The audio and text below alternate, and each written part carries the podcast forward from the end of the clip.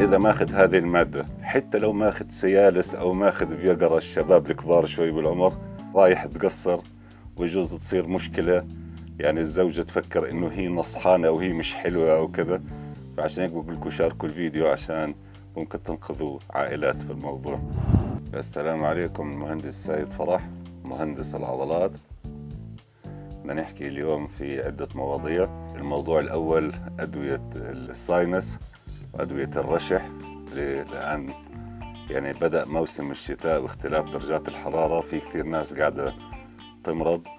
فنصيحة لوجه الله يا إخوان هذه الأدوية أدوية اللي توقف المناخير وتفتح الجيوب. هاي مضاف عليها بالإضافة للباراسيتامول. الباراسيتامول اللي هو مثل الأسبرين ومثل الآيبوبروفين اللي هو مخفض الحرارة.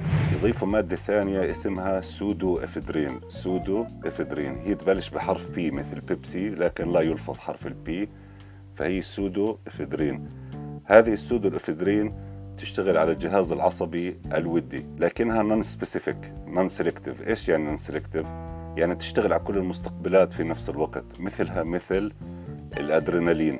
هي شبيه للأدرينالين؟ والنور أدرينالين اللي هو بالجهاز العصبي مثل ما قلت لكم قبل هيك. الآن المشكلة إيش؟ إنها تشتغل كمان قلنا جميع المستقبلات تشتغل على مستقبل الألفا 2 الألفا 2 هذا إيش مشكلته؟ يعمل انقباض للأوعية الدموية وفي منطقة أنتم عارفين وين. فمعناته إذا ماخذ هذه المادة حتى لو ماخذ سيالس أو ماخذ فياجرا الشباب الكبار شوي بالعمر رايح تقصر ويجوز تصير مشكلة. يعني الزوجة تفكر إنه هي نصحانة أو هي مش حلوة أو كذا.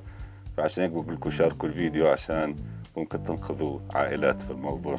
لا بس هو الموضوع مهم يا شباب لأنه هاي معلومة حتى بالوصفة تبعت أشهر الأدوية الموجودة عندنا اللي هي مضادات الرشح هاي الأدوية وقت الرشح مش ذاكرين هذا ال side effect هذا العارض مش مش ذاكرينه ابدا مع إنه إذا دخلتوا وقراتوا على الإنترنت حتلاقوا هاي المعلومة موجودة وموثقة ومن أكبر الأطباء وشغلة معروفة. وكمان اللي عندهم تضخم بروستاتا يفضل تبتعدوا تماما عن أدوية الرشح أدوية الإنفلونزا هذه بتتاخذ مع تكون مع البارستامول مخلوط عن بارستامول لأنه يعني أنت العيار الحبتين بيكون فيه 500 بارستامول زائد 30 ملي جرام سودو افيدرين ال 30 ملي جرام كافيه إنها تعمل لك مشاكل وتضيق يعني تحشر لك البول.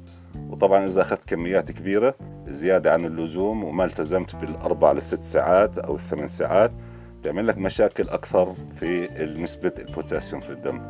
فديروا بالكم هاي مع إنها تنباع بدون وصفة.